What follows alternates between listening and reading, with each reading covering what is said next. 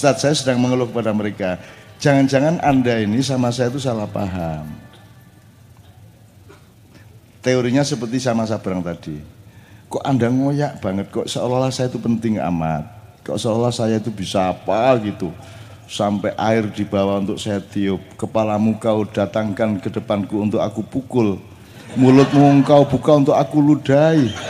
Coba, sampai segitu loh mas. Dan itu tidak terbatas jamaah Amaiyah itu semuanya. Semua etnis sudah mau semua pemeluk agama. Tadi siang aja saya ketemu orang Kristen orang Katolik dua keluarga.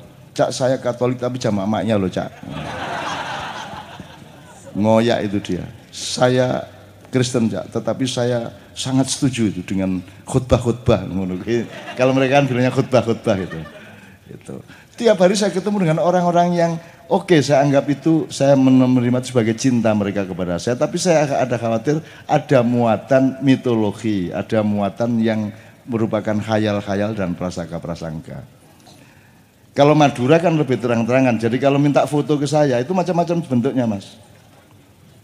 Ada yang gelibat gelibat gitu ya. Nggak berani nggak berani gitu. Nanti bilang sama Gandhi kayak sama gajah sama siapa.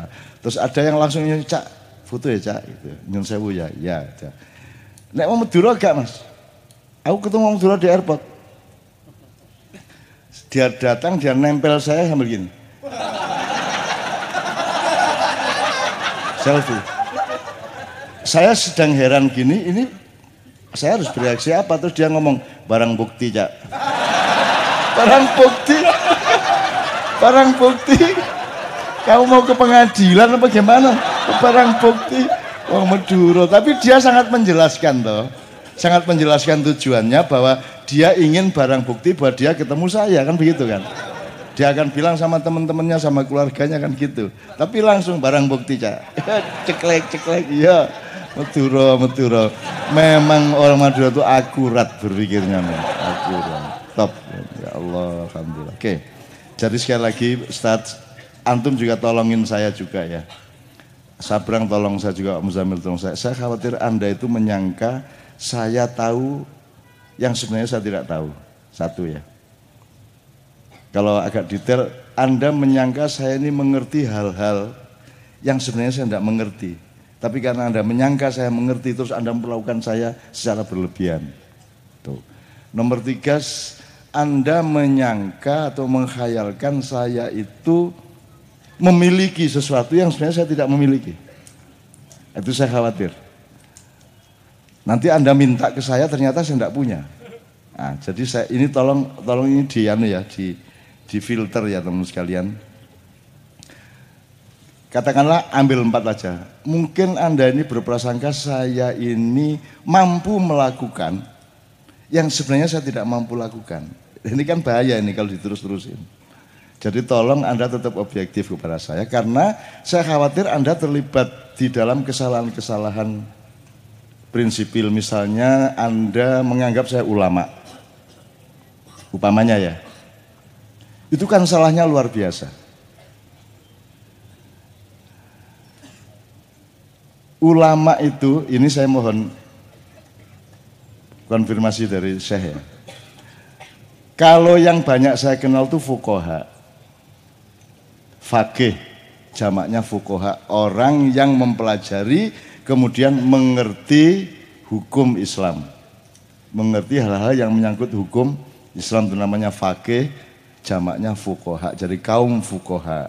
Maka mereka memberi fatwa, ini halal, ini haram, sertifikasi warung gitu ya. Karena mereka itu fukoha. Kalau ulama, oh sangat tidak mencukupi hanya dengan kemampuan seorang fakih atau fukoh. Karena kalau fukoha jelas itu urusan tafakuh tentang sesuatu hal. Iki salah, iki bener, ini halal, ini haram, ini makro. Itu fukoha. Urusannya sangat jelas, sangat terbatas. Itu pendek banget, urusan pendek. Tapi kalau ulama dari kata alima ya'lamu ilman wa huwa alimun, terus zamannya ulama. Di situ tidak ada penjelasan objeknya, Pak Muzamil. Orang yang mengerti, gampangnya gitu ya. Mengerti apa? Tidak ada, tidak ada definisinya. orang yang mengerti. Kalau fukoha mengerti hukum Islam. Tapi kalau ulama mengerti apa? Tidak ada penjelasannya. Satu-satunya bahan adalah para ulama itu warasatul ambia. Mereka adalah pewaris Rasulullah, waris Nabi. Nah, maka kita bisa bercermin atau mengacu kepada kalau Nabi ngerti apa? Kan gitu. Kalau Nabi dulu ngerti apa? Supaya kita bisa belajar tentang al-alim, al-ulama ini. Nah, sekarang saya tanya sama Anda.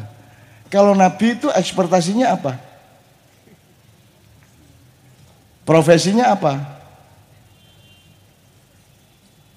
Apa?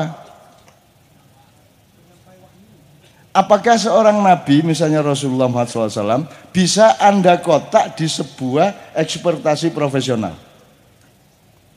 Terus Anda kasih dia identitas, oh dia negarawan, oh dia politisi, oh dia jenderal, panglima perang, oh dia, bisa nggak? Dan apa yang paling dimengerti oleh Rasulullah, sehingga beliau adalah penghulunya para ulama? induknya para ulama. Apa yang paling dimengerti oleh Rasulullah? Jadi tidak bisa Anda mendekati definisi ulama yang mengacu kepada Rasulullah dengan terminologi dan metodologi ilmu-ilmu modern. Bagaimana caranya? Tidak usah Rasulullah, Kiai Kanjeng aja bingung kok Anda.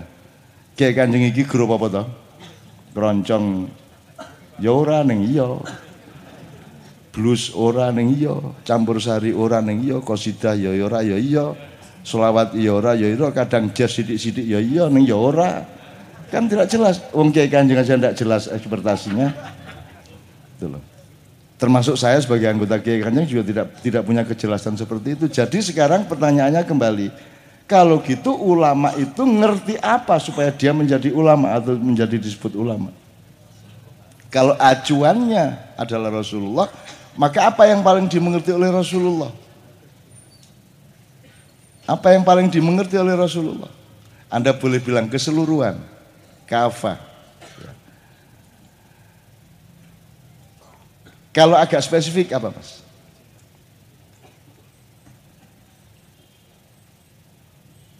Apa kira-kira Rasulullah itu yang paling dimengerti oleh Rasulullah itu apa? kemanusiaan. Kita cari terus ya. Ini bukan saya ngajarin Anda dan sudah tahu loh. Saya ini nyari juga. Berarti kemanusiaan. Manu, Rasul itu faham manusia. Hatinya. Ya tak? Kecenderungannya, kebutuhannya, jangka pendek, jangka panjangnya. Disarankan saya kalau ngimami jangan panjang-panjang karena siapa tahu makmumu ada yang sudah tua. Sampai dipikir seperti itu Pak Muzamil bahkan anu Ustaz bilang Rasulullah itu selalu memberi kelonggaran kepada manusia. Selalu longgar dia, menggampangkan. Bikin supaya orang itu mudah, itu Rasulullah. Dia bilang solu kamaro aitu muni usolli. Bayangkan kalau kalimatnya solu kama usolli. Diperlukan penelitian yang luar biasa untuk supaya sholat Musa. Karena harus persis seperti Rasulullah. Modern gue. Untung Rasulullah ngomongnya ndak solu kama usolli tapi solu kama ro'aitumuni usolli. Sembayang sak rohmu dulu aku sembayang. Setahu kamu aja. Kama ro'aitumuni. Lu enak tuh mas. Sampai di Lombok ada sholat waktu tilu. Sholat setahun cuma tiga macam. Satu Jumatan, satu Idul Fitri, satu Idul Adha. Anda tidak usah ngeklaim benar apa salah ya. Karena Allah yang mengerti inna akromakum indallahi atkokum. Yang dinilai Allah itu bukan jumlah sholatnya tapi atkokum. Dan di situ tidak disebut indanas. Tidak ada inna akromakum indanasi atkokum. Karena manusia tidak punya kemampuan dan alat apa pun untuk mengukur takwa sesamanya. Maka Allah mengatakan inna akramakum Allah. Ini Allah punya urusan, Allah punya perkara, Allah punya Allah punya otoritas, Allah punya kemampuan. Kalian dan aku tidak punya kemampuan. Jadi jangan sok menilai-nilai orang.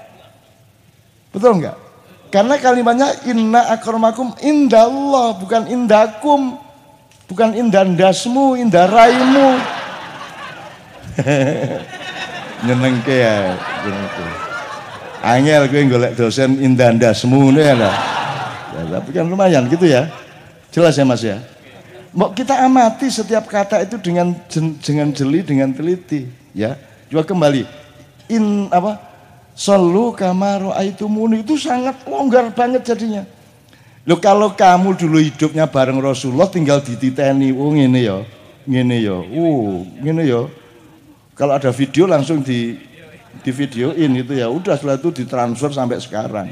Copy paste, copy paste, forward, forward, forward, forward gitu ya.